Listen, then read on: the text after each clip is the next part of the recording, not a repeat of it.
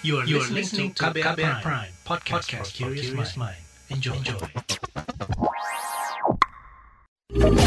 Kamu lagi dengerin What's Trending KBR Pagi.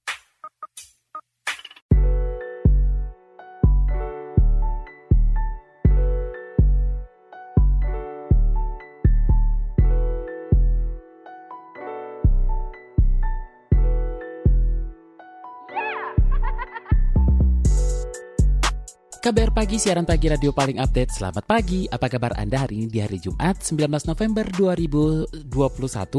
Kembali lagi bersama saya Don Brady di What's Trending KBR Pagi pastinya. Pagi ini kita ngobrol soal kebijakan terkait Nataru. Jadi Menteri Koordinator Bidang Pembangunan Manusia dan Kebudayaan Menko PMK Muhajir Effendi mengatakan akan menerapkan kebijakan PPKM level 3 untuk seluruh wilayah Indonesia selama masa libur Hari Raya Natal 2021 dan Tahun Baru 2022. Kebijakan ini akan berlaku mulai tanggal 24 Desember 2021 sampai 2 Januari 2022.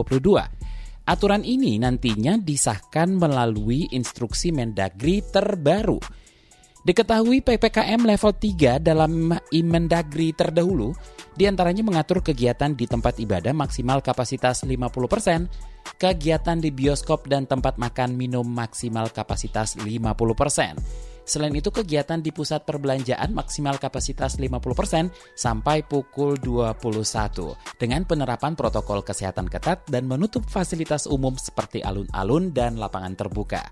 Nah, kita bakal bahas lebih lanjut soal ini, tapi kita simak dulu opini netizen plus 62 berikut ini.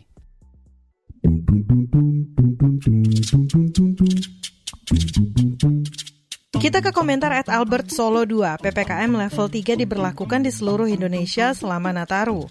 At Dinda Delia, kalau rencana liburan keluarga kali ini batal, udahlah nangis aja di pojokan. Lalu at Info Jakarta, akhir tahun PPKM akan dinaikkan ke level 3 untuk cegah lonjakan kasus COVID. Di satu sisi untuk keamanan bersama, di sisi lain industri pariwisata kembali terpukul. Komentar at Your Blue List, gak ada libur juga pak, kerja biasa juga nggak ngaruh eh sama Natal. Lalu at Nuni underscore Utami, pemerintah juga berharap masyarakat tetap bijak mengantisipasi kemungkinan lonjakan kasus. Jadi selama liburan Nataru lebih baik di rumah aja. Jalan-jalan keluar kota atau negerinya nanti aja kalau pandemi udah berlalu. At LRZYW, iya makanya Nataru belum tapi yang liburan udah banyak. Apalagi Nataru nanti, semoga tetap bisa terkendali aja lah ya. Agak trauma sama kejadian beberapa bulan lalu itu yang oksigen habis di mana-mana. Dan terakhir at Fisikadin underscore ID, yuk cegah terjadinya gelombang ketiga COVID di Indonesia Indonesia saat Nataru nanti. What's Trending KBR Pagi masih di What's Trending KBR Pagi, kita lanjutkan obrolan kita pagi ini. Seperti apa pernyataan Menteri Koordinator Bidang Pembangunan Manusia dan Kebudayaan Menko PMK, Muhajir Effendi, terkait kebijakan PPKM level 3 untuk seluruh wilayah Indonesia selama masa libur Hari Raya Natal 2021 dan Tahun Baru 2022 kita simak penjelasannya saat memimpin rapat koordinasi tingkat menteri antisipasi potensi peningkatan kasus COVID-19 pada libur Nataru secara daring pada Rabu kemarin.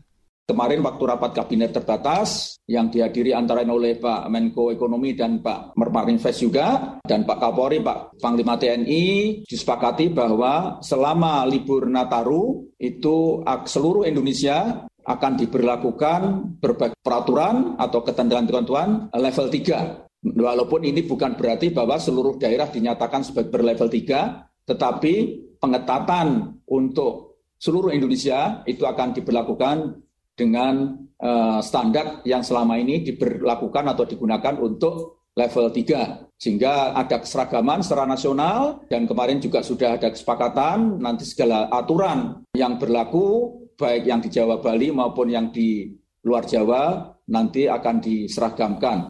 Nah, Presiden Joko Widodo meminta kepada pemerintah daerah untuk waspada terhadap potensi ledakan kasus COVID-19.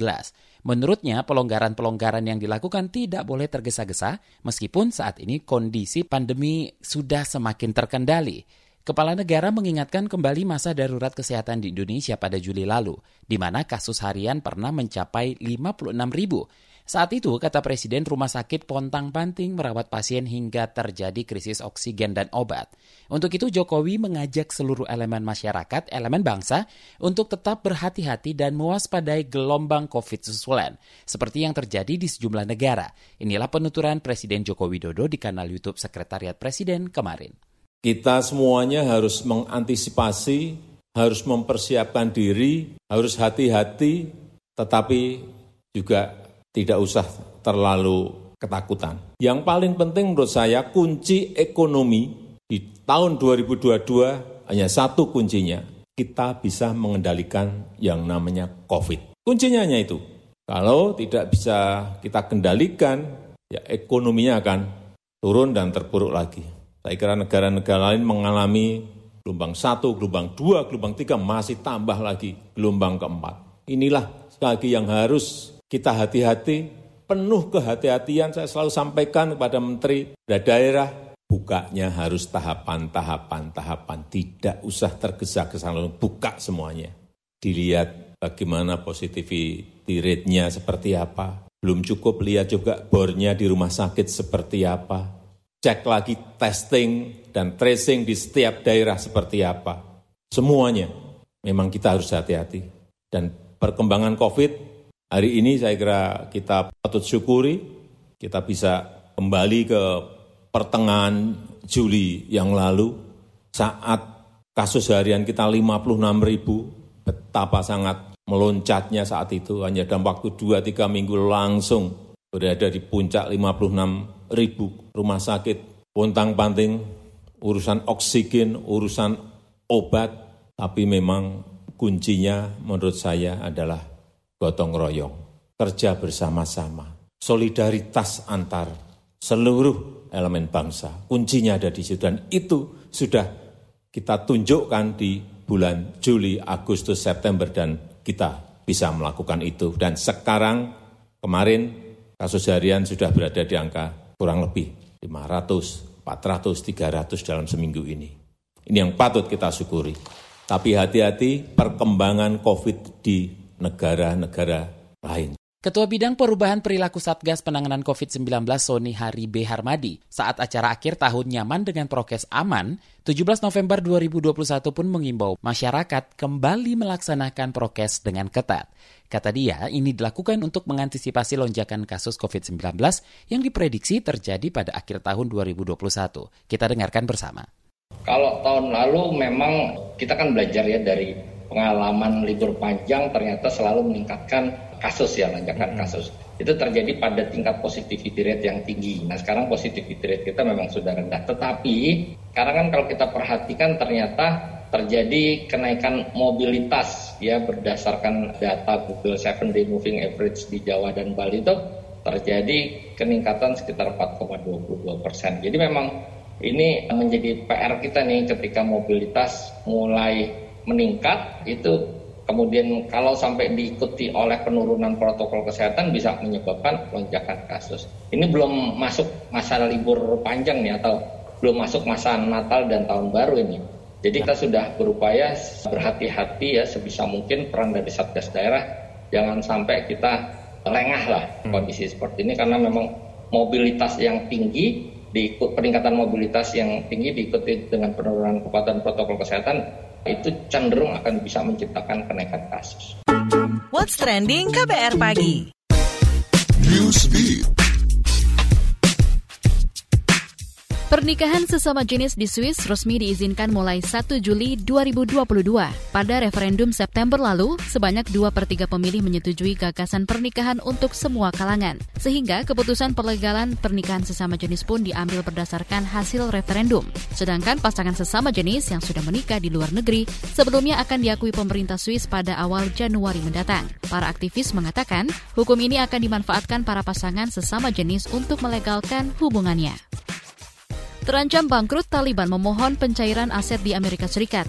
Mengutip AFP, Menteri Luar Negeri Afghanistan di rezim Taliban Amir Khan Muttaqi mengaku saat ini pemerintahannya dilanda krisis finansial. Amir meminta Amerika Serikat segera mencairkan aset negaranya dan mencabut sanksi bank. Meskipun begitu, Amir menyebut akar permasalahan finansialnya ada di pemerintah Amerika Serikat yang tak kunjung mencairkan aset negaranya di Amerika. Ia mengakui sulitnya pencairan aset ini dipengaruhi faktor ketidakpercayaan dunia pada pemerintahannya terkait permasalahan hak asasi manusia. Namun ia mengingatkan permasalahan ekonomi di negaranya dapat menimbulkan gelombang eksodus.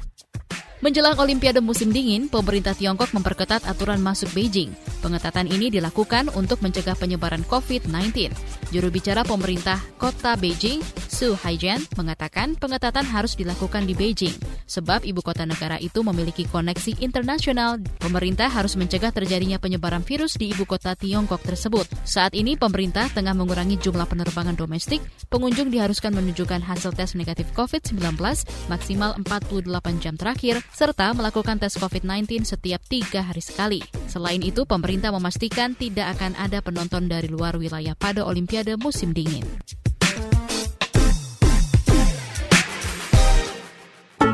What's Trending KBR Pagi. Masih bersama saya Don Brady di What's Trending KBR Pagi, menyoal kebijakan terkait Nataru, itu yang kita obrolin pagi ini. Nah, Dewan Pakar Ikatan Ahli Kesehatan Masyarakat Indonesia Yakmi Hermawan Saputra memberi sejumlah catatan untuk menghadapi libur Natal dan Tahun Baru 2022 nanti. Apa saja? Langsung saja kita tanyakan. Pak Hermawan, Menko Luhut memprediksi 20 juta orang bergerak di libur Natal dan Tahun Baru. Anda melihat adakah kebijakan yang cukup mampu menekan mobilitas ini? Setiap menjelang Nataru itu memang ada kenaikan kasus walaupun belum signifikan. Nah, sekarang juga ada beberapa kenaikan lagi. Hanya saja perbedaan yang paling prinsip tahun lalu dengan saat ini, tahun lalu itu ada upaya pengetatan yang signifikan terkait dengan mobilitas, ada pembatasan, ada bahkan penyekatan di mana-mana, kemudian juga orang dalam kewaspadaan tinggi dulu ya. Tetapi toh begitu juga terjadi kenaikan kasus. Nah, di tahun ini sebenarnya lebih mengkhawatirkan karena trennya sekarang ini bukannya pengetatan tapi cenderung pelonggaran dan juga adanya euforia ya terkait dengan vaksinasi orang merasa sudah divaksin itu seolah-olah merdeka dan melihat tren yang menurun ya kasus di kebanyakan daerah walaupun beberapa daerah juga naik saat ini. Nah berikutnya sebenarnya yang cukup menjadi catatan kita memiliki target vaksinasi lansia yang capaiannya rendah sekali. Sekarang ini masih 27 persen lansia yang tervaksinasi dosis kedua dan itu cukup mengkhawatirkan apabila kenaikan kasus. Maka fatality cases kemungkinan tetap akan tinggi. Kemudian adanya juga potensi new variant ya, varian baru yang mungkin muncul. Dulu di awal Januari tahun 2021 yang lalu ya sebagai dampak Natarunya itu belum ada varian baru. Varian baru itu baru terasa punya dampak terhadap kasus yang signifikan di April, Mei, Juni, Juli. Nah, di tahun ini uh, kemungkinan varian turunan dari varian yang sudah ada ya, mulai dari Delta yang sudah punya turunan anak cucu tuh variannya, itu akan berpotensi terus uh, bermutasi karena keramaian dan kerumunan. Itu sebab kekhawatiran kita dari segi keterbukaan saat ini bisa menyebabkan, apalagi tadi disebutkan, kalau ada 20 juta orang, mobilitas, dan tentu saja uh, potensial terjadinya varian baru. Nah, kita cukup khawatir. Apa yang perlu dikontrol pemerintah di saat mereka masih mau menyeimbangkan antara ekonomi dan kesehatan? Ya, risikonya cukup besar ya. Mahal harga yang harus dibayar kalau kita terlampau permisif dan juga terlampau cuek dengan pembatasan. Ya, dikala pandemi belum dicabut oleh WHO dari status global. Kita ambil contoh deh, negara-negara Eropa saat ini ya Jerman, Inggris, Austria, dan bahkan Rusia, itu kasusnya puluhan ribu kenaikannya dalam sehari dalam uh, dua pekan terakhir ini. Bahkan negara tetangga kita seperti Singapura dan Malaysia pun terjadi kenaikan kasus. Nah, negara-negara itu bukannya negara yang tidak memiliki proteksi dan perlindungan terhadap COVID, uh, vaksinasi berjalan, kemudian mitigasi mereka bagus dari aspek testing dan tracing, perilaku masyarakatnya relatif teredukasi, tetapi karena pelonggaran, karena relaksasi, kenaikan terjadi kembali. Nah, negara kita juga sama. Pelonggaran yang ada sekarang ini kan uh, tidak diikuti dengan testing dan tracing yang optimal. Itu satu. Yang kedua, perilaku yang masyarakat yang sudah sangat excuse ya, karena seolah-olah didesain dengan kemerdekaan nih, udah lewat nih COVID, udah tidak ada lagi corona. Padahal ini adalah situasi semua ya, yang kita justru harus berhati-hati ibarat kata itu kalau tsunami mau datang, biasanya air laut itu ditarik ke dalam. Baru sewaktu-waktu datang dan hadir tsunami. Nah, kita tidak mau seperti itu. Tetapi kemungkinan terjadinya kasus yang sporadis bisa saja terjadi kalau perilaku kita terlampau terbuka dan merasa jadi euforia di sisi lain kebijakan cukup longgar. Nah, satu-satunya upaya yang bisa mengendalikan itu ya dari unsur pemerintah ya. Bagaimana testing dan tracing, vaksinasi cakupan lansia diperkuat dan pembatasan melalui protokol 3M.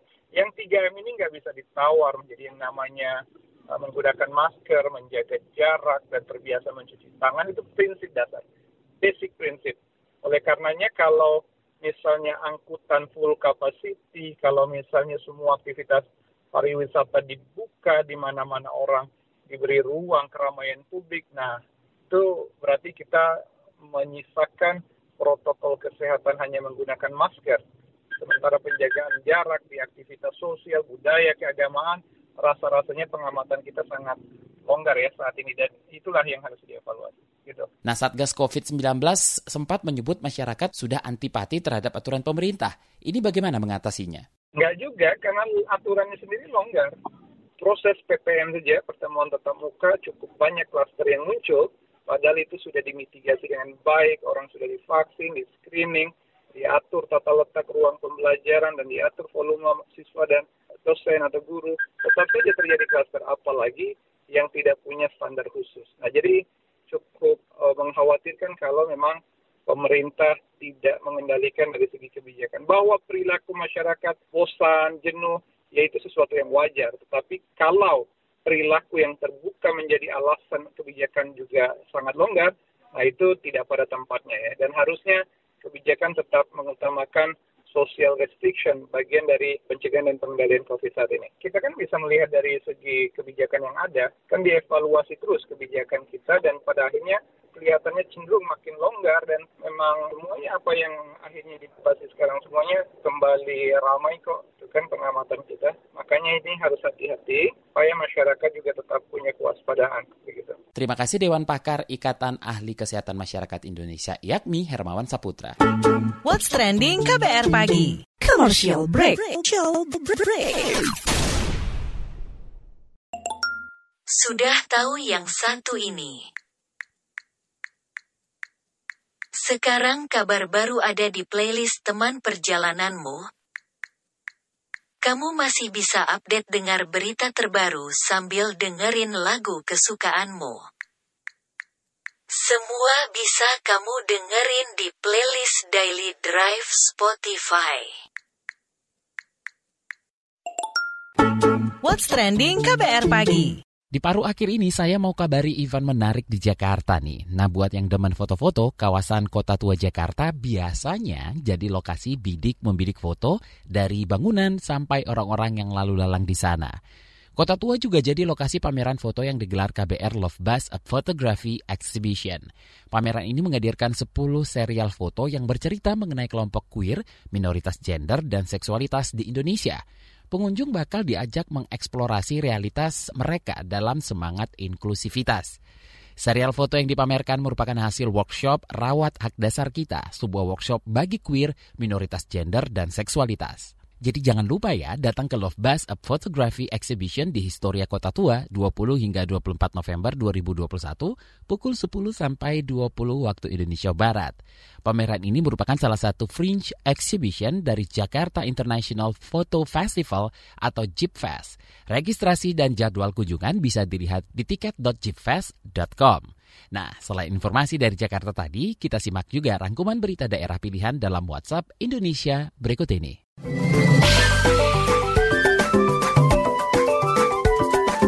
WhatsApp Indonesia. WhatsApp Indonesia dimulai dari Jakarta. Kenaikan kasus COVID-19 mulai tampak di Jakarta. Semenjak awal pekan ini, Rumah Sakit Darurat COVID atau RSDC Wisma Atlet kembali mencatat kenaikan kasus aktif COVID-19 menjadi 229 pasien atau keterisian hampir 3 persen. Kenaikan pasien didominasi oleh pasien repatriasi atau WNI yang pulang dari luar negeri. Juru bicara Wisma Atlet, Mintoro Sumego mengatakan pasien yang dirawat kebanyakan baru datang dari Arab Saudi dan Malaysia. Gejala yang dialami ringan hingga sedang. Mintoro menambahkan, upaya testing terus digencarkan terhadap masyarakat yang mempunyai gejala atau berpergian. Begitu juga dengan tracing dan treatment agar meminimalkan laju penularan COVID-19. Sementara itu, Satgas Penanganan COVID-19 menyebut sepanjang hari kemarin ada penambahan 522 kasus baru virus corona. Pasien meninggal juga bertambah 13 orang dalam dua hari terakhir. Masih dari Jakarta, Majelis Ulama Indonesia atau MUI memberi penjelasan terkait penangkapan anggota Komisi Fatwa MUI Ahmad Zain An-Najah dua hari lalu oleh Densus 88 Anti Teror Polri. Sekjen MUI Buya Amir Syah Tambunan menyatakan MUI menyerahkan sepenuhnya masalah tersebut kepada aparat penegak hukum. MUI juga meminta aparat bekerja secara profesional dan mengedepankan asas praduga tidak bersalah. Sekjen MUI Buya Amir Syah Tambunan menambahkan, secara kelembagaan MUI sebenarnya sudah lama memiliki kepedulian dengan bahaya terorisme. Tiga tahun pasca kejadian terorisme pertama di Indonesia atau pada 2004 silam, MUI mengeluarkan fatwa nomor 3 terkait terorisme. Untuk itu, MUI mengimbau umat Islam menahan diri agar tidak terprovokasi dengan isu penangkapan anggota Komisi Fatwa MUI, Ahmad Zain An-Najah. MUI pun mengklaim telah menonaktifkan salah seorang anggota Komisi Fatwa MUI, Ahmad Zain An-Najah, lantaran diduga terlibat jaringan terorisme Jamaah Islamiyah. Menurut Ketua MUI Kolil Nafis, aktivis Zen di Jamaah Islamiyah merupakan urusan pribadi. Akibat kasus ini, tagar bubarkan MUI muncul di media sosial. Terakhir mampir Papua demi menjaga keanekaragaman hayati, hutan Raja Ampat, pemerintah ajak masyarakat menyaksikan aksi menonton burung cendrawasih merah di alam liar. Ini menjadi destinasi wisata di kawasan hutan Warkesi untuk mengenalkan dan menumbuhkan kecintaan terhadap keragaman hayati. Sebab dari 10 spesies burung endemik di Papua, ada 6 spesies burung yang ada di Raja Ampat yakni Wilson Bob atau cendrawasih botak, Red Bob atau cendrawasih merah, White Brush Turkey atau Maleo Weigo, Raja Ampat Pitohui, dan Koviau Paradise Kingfisher atau cekakak Pita Koviau dan Koviau Monarch atau kehicap Koviau.